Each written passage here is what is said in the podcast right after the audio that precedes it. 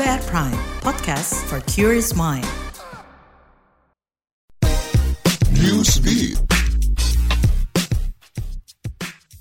Pesawat antariksa Parker Solar Probe milik NASA yang diluncurkan sejak Agustus 2018 sukses tembus badai matahari dan meneliti lontaran masa koronal atau CME.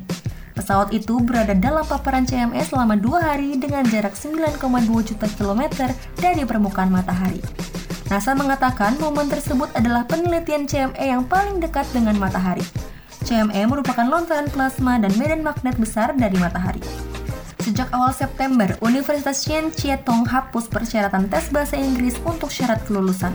Bahkan dalam beberapa tahun terakhir, sertifikasi bahasa Inggris dianggap tidak terlalu penting oleh berbagai universitas di Tiongkok. Penghapusan ujian bahasa Inggris ini tentunya timbulkan pro kontra di masyarakat. Kaum pro menyebut aturan ini bagus untuk dilaksanakan, lantaran tingkat pendidikan warga Tiongkok menjadi aneh bila ditentukan dengan ujian bahasa asing. Namun, pihak kontra menyebut ujian bahasa asing tetap perlu dilakukan.